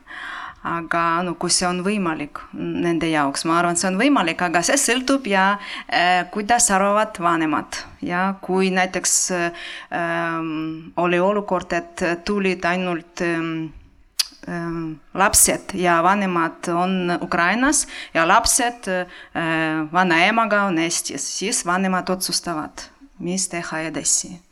aga noh, rohkem tahavad õppida Eestis Liina, millised võimalused on praegult Ukraina noorel näiteks ülikooli või kutsekooli minna, et äh, kas meie nii-öelda see haridussüsteem või võimaldab seda praegult võimalikult äh, hästi? Jaa, kutsekooli minna on, ma arvan, hetkel lihtsam, sellepärast et ülikoolid pakuvad inglisekeelseid õppekavasid või siis kui nad noh, kandideerivad nii-öelda eestikeelsele õppekavale, et siis äh, peavad olema selleks eraldi äh, rühmad avatud, sest tõenäoliselt noh, Eesti noortega konkurentsis püsimiseks lihtsalt ei ole, ei ole nendel piisavalt keeleoskust. Äh, meil on paari erakõrgkooliga olnud läbirääkimisi mm, kõrghariduse valdkonna kolleegidel, kes on huvitatud vene õppekeele baasil siis avama või pakkuma, pakkuma siis paari eriala ja seal on nüüd praegu hetkel arutelu koht rahastamise osas, et kuidas siis äh, garanteerida, et ikkagi kõrghariduse lõpetaja oskab siis ka eesti keelt piisaval tasemel, et olla siis tööturul konkurentsivõimeline, nii et iseenesest on justkui võimalusi, et, et aga jah, pigem kõrghariduses siis inglisekeelsel õppekaval, aga, aga sinna on konkurents ka suur. Äh, need on riiklikult rahastatud, need õppekohad, nii et raha või noh, ütleme majanduslike probleemide taha ei tohiks jääda, et iseenesest võimalused on, aga ma ei ole nüüd praegu väga kindel, et, et ähm, jah, et see on samasugune võimalus, kui nad oleks näiteks Ukrainas kodus, eks ole, minnes siis kõrgharidusse, et see on, see on nagu sama ladus. Ja kutsehariduses jah, nagu ma enne nimetasin seda kutsevaliku aastat, mis on hästi-hästi hea võimalus ja, ja, ja noored äh, kes ka tulid äh, õppeaasta keskel ja läksid juba siis kutseharidusse, on seda kasutanud juba ja tagasiside on ka nendelt, et, et just see, et ma saan äh, nagu väga rahulikult vaadata erinevatesse erialadesse sisse, et mida seal tehakse ja, ja millised need väljundid on, kuhu ma saan tööle minna ja nii edasi, et, et see kutsehariduse pool pigem võib-olla võiks olla isegi nagu suuremas mahus nende jaoks väljund, et täna hetkel jah, ainult paarsada noort on tegelikult jõudnud kutseharidusse, aga riiklikes kutsehariduskeskustes, mis me teame, kõik on ju riigi pidamisel, on vastavad kohad loodud, rahastatud, nii et, et igal juhul ootus on olemas, et nad tuleksid. ja mida veel meie kõrgharidus täna on nüüd teinud, meil on sisseastumiseksamid siis Ukraina noortele erinevatesse siis äh, ülikoolidesse, et, et põhimõtteliselt või, nagu vahendame siis seda Ukraina Haridus-Teadusministeeriumi Äh, poolset palvet siis kõikide kõrgkoolide eksameid, kes on siin, nad astuvad siis nii-öelda Ukrainasse kõrgharidusse, nii et seda siis, see sild on ka nagu loodud. Daniil, mis on sinu plaanid? plaanid minna ülikooli, kutsekooli, tööle? ülikooli. mis äh, eriala? ma ei tea. Mis sind kõige rohkem huvitab? arvutid ei, nagu mingi programmeerimine või mis on selle, seotud sellega nagu mm. väga lahe. veebimaailmaga, jah. väga lahe. aga kui me võtame nüüd need noored, kes äh, lõpetavadki ära kas põhikooli või gümnaasiumi ja ei, ei lähe kuhugi, isegi tööle, et äh, kuidas, kuidas me saame võib-olla ennetada sellist NEET-noorte staatust Ukraina noorte seas, et kas meil on selle peale ka mõeldud? mulle küsimus Kõ. kõikidele, kes, kes tahavad ma ei saa sellele küsimusele vastata mul ei ole selleks äh, piisavalt sõnavaru, selliseid sõnu. varsti, varsti, küll varsti on jah, eks need, need noored on jah, ka Haridus-Teadusministeeriumi noored, et kõik on, kõik on meie noored, et ja, ja eks noh, sinna need staatusesse ju ei soovi keegi jõuda või, või, või, või sattuda, et selles mõttes äh, nemad kindlasti vajavad äh, erinevaid mehhanisme, kuidas siis aidata neil leida tee, kas siis haridusse, mis on katkenud, või siis tööturule. nii nagu oma Eesti noortele vastavad meetmed me kindlasti võimaldame, aga jah, just nimelt nagu ma enne rääkisin ka, et see nii-öelda segment või, või see osa noortest, kes täna ei ole jõudnud siia meie vaatevälja, et tegelikult me püüaks nagu ennetada seda, et, et seda ei juhtuks, et jõuda nendeni varem. ja, ja enne hariduse alal oli väga huvitav arutelu, et, et kui palju äh, formaalharidus ja ka noortevaldkond peaks olema nagu noorte huvipõhine ja noorte endi äh, Äh, valikutepõhine ja kui palju on siis nii-öelda seda kohustust, et mida ja kui palju peab õppima ja miks peab õppima ja nii edasi. ja siis väga huvitavalt hariduspsühholoog Kati Aus tõi välja, et, et noortel on teadvustamata vajadused, et palju asju peavad nad õppima lihtsalt sellepärast, et see on nende arengule vajalik. see aitab neil areneda äh, eakohaselt ja jõuda nende teadmisteni, võib-olla suur hulk teadmistest ununeb ühel hetkel, eks ole, et miks me räägime sellest ka kooli kohustusest, et tegelikult äh, noor ise ei saagi veel aru ja ei oskagi otsustada ja ei oska neid valikuid teha ja ta ei oska vastutada selle eest veel, et ta ei ole piisavalt selles eas, et mis juhtub nende NEET-noorte staatusesse sattumisega, et kui nad kaovad vaateväljast, ei ole koolis, ei ole ei ole kuskil huvihariduses noortevaldkonnas, siis tegelikult juhtub see, et võib-olla ta sellel hetkel toimetab nii, nagu ta ise arvab, et talle on kõige parem, aga tegelikult ei ole, nii et see on nagu see tegelikult hariduses see kõige olulisem, see ennetamise pool on ju, et, et, et nad ei jõuakski sinna. aga mis noh, puudutab, ütleme, programme või, või ütleme neid nagu sekkumisi, mis täna on siin, tugilad või muud, et need kõik loomulikult jätkuvad. aga kas me, kas on plaanis teha ka ukraina keeles näiteks karjäärinõustamist? no needsamad äh, psühholoogid, kes on nüüd sinna Rajaleidja võrgustikku tööle võetud, neid on äh, neli professionaalset inimest äh, kuigivõrd kindlasti saavad teha seda ukrainakeelset nõustamist, aga ma millegipärast arvan, et see pigem peaks olema siis nende Töötukassa ja koolide vahelise koostöö koht. et, äh, et, et kus siis seda vajadust võib-olla rohkem on välja arendada, et me praegu riiklikult ütleme nagu karjäärinõustajaid eraldi ei ole Haridus-Teadusministeeriumi poolt äh, värvanud või plaanimas värvata, aga, aga mis puudutab nüüd Töötukassa poolt, siis ma arvan, et nendel on äkki venekeelne nõustamine olemas, ma ei julge ukrainakeelset pakkuda, ma ei tea, kas sa, Piret, oskad, oskad siin täiendada, aga ma korra jah, selle karjäärinõustamise poole pealt võib-olla ikkagi seda õppenõustamist äh, tooksin ka juurde, et noh, et ta kuidagi käib meil nagu käsikäes, et ütleme, see ähm, mm, võib-olla sihuke noh, ütleme hoiak ja, ja kokkulepe ja ikkagi põhimõte ja väärtus, mida me kanname, on see, et, et see, et koolikohustus on läbi ikkagi ei ole nagu piisav, et Eestis hakkama saamiseks, tööturul konkurentsivõimeline olemiseks on ikkagi hea, kui noor leiab tee siis edasi gümnaasiumisse, kutseharidusse või kõrgharidusse. ja, ja, ja selle läbi ütleme, toimub ka siis nii-öelda see karjäärinõustamine, aga Danil on võib-olla natukene noor, et küsida kolmeteistaastaselt lapselt, et mis ta ülikoolis õppida tahab. aga mul on hea meel, et sa juba tead, et sulle meeldib arvutid ja programmeerimine ja muide, IT-sektor on Eestis väga hästi arenenud, nii et su mõtted liiguvad igavesti ägedas suunas võib-olla lihtsalt see kommentaar äh, Töötukassaga, me oleme koostööd teinud ja venekeelset nõustamist nad kindlasti pakuvad, aga ma arvan, et siin peab äh, liikuma vastavalt vajadusele, et kui seda on vaja, siis noh, minu meelest äh, olles nüüd ka mõni aeg tagasi kohtunud teiste Euroopa kolleegidega, et kuidas nemad on korraldanud, siis Eesti on väike riik, kes on nagu selles mõttes toimetanud hästi kiiresti. kui mingi mure tekib, siis me tegelikult ametkondlikult või iga valdkond lepib kokku ja leiab selle lahenduse, et noh, see sinu küsimus ka, eks ju, et kui lõppkokkuvõttes on vaja, siis tuleb see lahendus leida.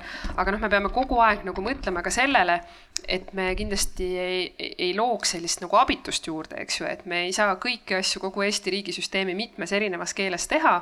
aga et me peame kõik tegema selleks, et inimestel oleks võimalik nagu ise siin hakkama saada. ja kui see on üks olulistest meetmetest, siis tuleb see kindlasti rakendada, eks ju, et, et seesama, et kui me hiljem peame tegelema tagajärgedega, et keegi on koolist kõrval, tööst kõrval ja nii edasi, siis see lõpuks maksab riigile oluliselt rohkem kui see, et me oleme alguses abiks selleks, et inimene jõuaks kõikide nende eesmärkide juurde, nende tegevuste juurde, mis teda ennast ja kogu riiki aitavad. tegelikult on olemas meil ka ukrainakeelne noorteinfo T-Vida portaalis, et üle saja erineva artikli, kus on nii töötamisest, õppimisest kui ka vaba aja veetmisest, et äh, tegelikult Piretilt tahtsingi seda rahvusvahelist kogemust küsida, et ma tean, sa käisid seal integratsiooniministritega kohtumas, et mis oleks võib-olla sellised Euroopa õppetunnid Eestile, et äh, midagi head, mida saaksime üle võtta? No ütleme nii, et võib-olla üks asi, mida seal on hästi tehtud, aga ka meil on äh, ikkagi see üks koht, kus nagu inimene saab kogu info. Et meil vahel siin on ka see, et, et meil kõik toimetavad tublisti, aga nad toimetavad erinevates kohtades ja siis inimene peab käima nii-öelda kõik need uksed läbi. et Euroopas praegu hästi palju rakendatakse seda, et sa saad info nii-öelda ühest kohast aga need muud tegevused, et kui kiiresti me anname ajutise kaitse, kui kiiresti me oleme saanud sellesse kohanemisprogrammi, keeleõppesse, kui kiiresti on haridus reageerinud, et ma arvan, et siin on tegelikult teistel Euroopa riikidel meilt õppida seda nii-öelda paindlikkust. ja noh, mis võib-olla oligi see põhisõna, mida nagu rõhutati, on see, et me täna elame sellisel ajastul, kus kriisid enam ei ole nagu midagi erakordset, vaid kus me kõikide valdkondadega peame olema hästi paindlikud, et ühel hetkel tuleb meile väga palju inimesi siia, kellega me peame hästi kiiresti tegelema. et see nagu avaliku sektori paindlikkuse kasvatamine oli see, millest me nagu väga palju seal rääkisime, sest me enam ei näe ette. me enam ei suuda teha selliseid pikaajalisi strateegiaid ja see on nagu tänasel hetkel põhimurekoht või põhiküsimus, millega me peame siis nii-öelda ametkondlikult tegelema enne kui lähme kokkuvõtvate järelduste ja lõppsõnade juurde, kas publikust on veel küsimusi kellelgi? saate julgelt käega märku anda. Edwardil on kindlasti küsimus, Eerikul on ka. tervist, tervist. mul oleks kõige nooremale, nooremale küsimus, et kuidas neid, kes värskemalt tulnud on, veel paremini aidata hakkama saada Eesti koolis ma ei tea, see oleneb sellest, vaata Ukraina, ukrainlased, kes tulevad Eesti kooli, peavad julged olema, kui ka eestlased peavad julged olema, sest et kui nad tahavad omavahel suhelda, siis nad peavad ikka, no mõned ei õpi eesti keelt, sest nad lähevad tagasi Ukrainasse ja mõned, nad lihtsalt kardavad seda nagu teistega eesti keeles suhelda ja kuidas teistmoodi neid aidata äh,, ma ei tea, sest äh, ma aitan nagu, kui juhtus midagi siis mul palutakse abi, siis ma aitan nii, nagu ma oskan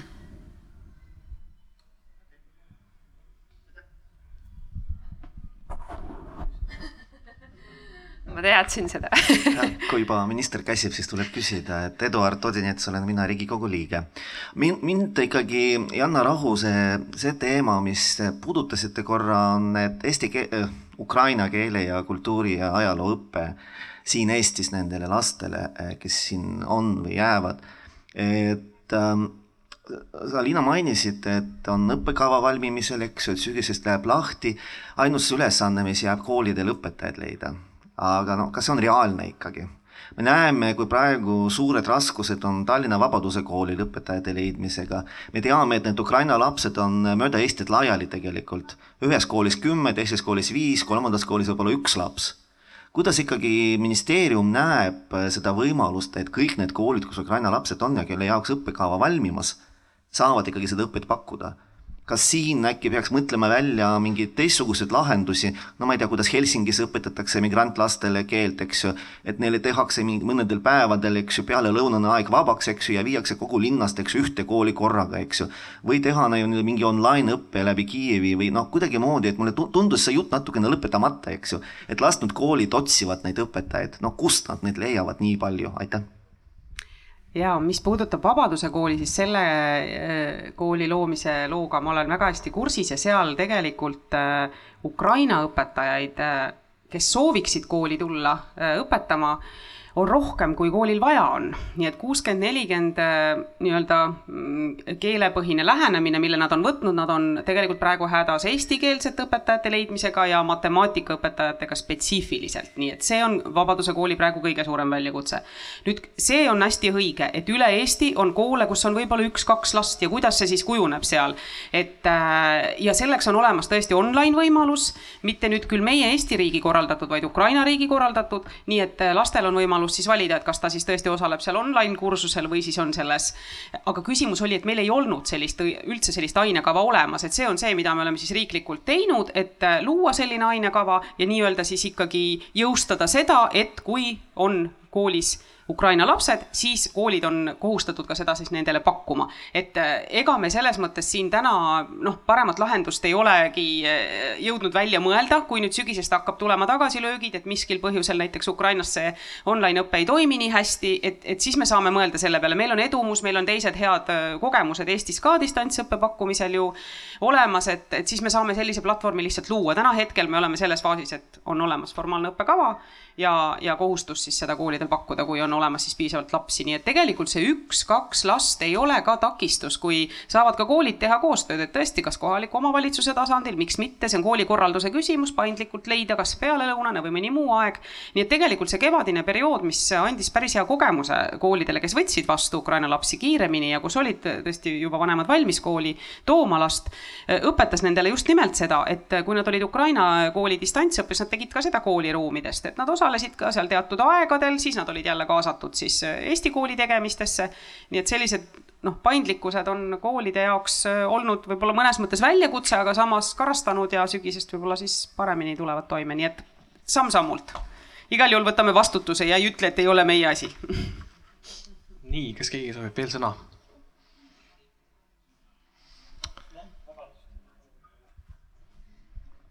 Ma lisaks ühe mõtte võib-olla juurde, mulle meeldis see, see mõte, mis välja käidi. ja, ja tegelikult ma näen täpselt sama, samasugust probleemi, teades, suheldes äh,, tegeledes selle kriisiga kohe algusest et meil on väga palju äh, noori, kes on siis üle Eesti laiali ja, ja mõnedes koolides ongi täpselt üks või kaks võib-olla Ukraina noort. et võib-olla tõesti minna seda meetodit pidi, et, et ma ei tea, võib-olla ongi üks online tund, mis ongi üleriigiliselt kuidagi online'is, et kasutada võib-olla selle võimalusena, võimalusena ära. et üks mõte siit kaasa nii.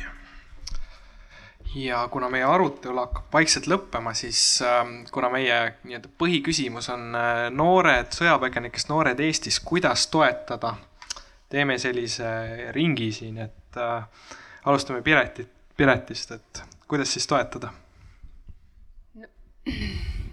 ma arvan seda, et mulle meeldis see Daniili mõte, et, äh, et tegelikult on vaja julgust ja mulle tundub, et äh, et äh, me, me oleme väga hästi saanud sellega hakkama, et meie lapsed äh, teevad hästi ära PISA testid ja me oleme esirinnas Euroopas.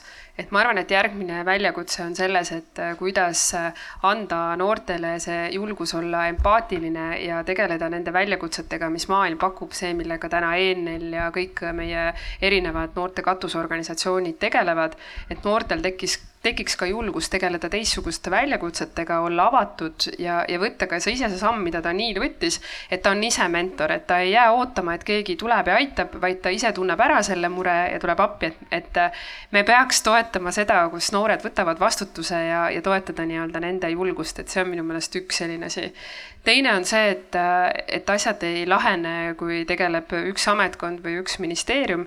et me peame siin olema kõik toeks selleks, et noored hästi hakkama saaksid, kõik siis oma võimaluste piires. ja võib-olla kolmandaks on see, et noh, millega me saame toetada, on see, et me mõistame olukorda. ma olen suhelnud paljude oma selliste tuttavate või tuttavate tuttavatega, kes ütlevad ka, et ma ei tea, et äh, mina ei saanud oma last lasteaeda, sellepärast et Ukraina põgenik võttis seal ära või ma ei tea, et minu äh, lapse klassiruumis on väga aeglane tempo, sest meil on seal Ukraina põgenikud. et selles olukorras, kus Ukrainas käib sõda kogu Euroopa vabaduse pärast, me peame säilitama selle mõistmise, et võib-olla tänasel hetkel Eestis ka elu ei saagi minna nii edasi kõikides hetkedes, nagu me oleme tahtnud ja nagu see on varem toiminud. et me peame mõistma, et mingid asjad on pisut aeglasemad, me peame teinekord tulema ise omalt poolt vastu. et, et ma arvan, et see mõistmine on see nagu märksõna, mida meil on täna nagu kõikide ühiskonnaliikmete poolt vaja ja vähem vastandumist ja Pireti äh, sõnavõtt on tõesti aplausi väärt, et ma olen täitsa nõus sellega. teeme aplausi.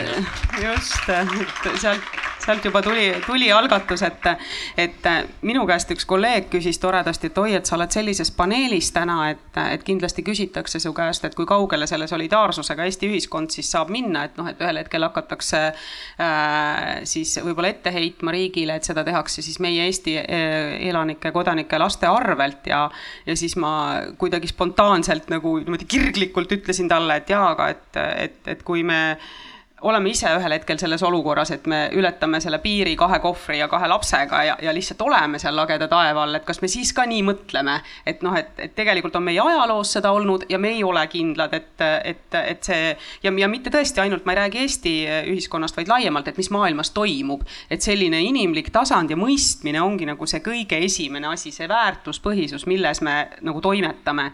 ja teine, et kui me igaüks saame oma tööd tehes panustada, et see on vähim, mida me teha saame, et mina teen oma tööd pühendumisega ja väga hästi, püüan sealt riiklikult tasandilt neid asju, järgmine, ma ei tea, kohaliku omavalitsuse tasand, kogu äh, siis kooli tasand, eks ole, kõik noortevaldkond, et igaüks teeb oma tööd nii hästi, kui ta saab ja oskab ja aitab läbi selle ja toetab seda Ukraina noort, et siis me tegelikult olemegi ühiskonnana panustanud, et ei ole kuskil ühte tähtsat äh, nina, kes ütleb, et nüüd kõik teevad nii ja siis hakkavad asjad juhtuma, et see on selline hästi ühiskonna mõttes hea proovikivi, et just sellele koostööle ja sellele väljakutsele nagu vastu panna.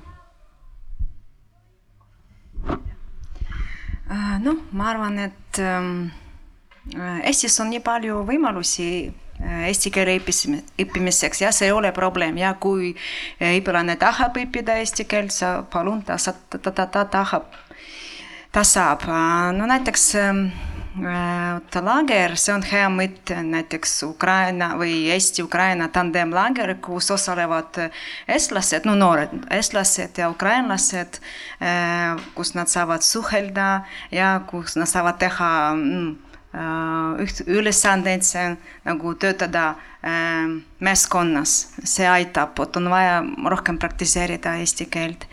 ja veel, no mitteformaalsed üritused vist no nagu kus mitte ainult koolis või gümnaasiumis, vaid näiteks keelekohvikus no või kohtumine, kus osalevad noored, see on, see aitab. nii äh,, küsimus oli, kuidas me saame siis äh, toetada noori Ukraina, Ukraina noori, jah minu kogemustest ma ütlen, näiteks ma käin Kose koolis ja seal neid äh, toetatakse väga hästi. et kui kellelgi äh, tekivad muresid või midagi on vaja, siis lihtsalt küsitakse jääbi koolist ja siis kool aitab. ja ma ei tea, mida öelda nagu ausalt nii palju on juba räägitud, et noh väga palju on räägitud tõesti äh,, aga aitäh teile kuulamast ja kaasa arutlemast, see on ikkagi Arvamusfestival. ja teeme meie panelistidele aplausi.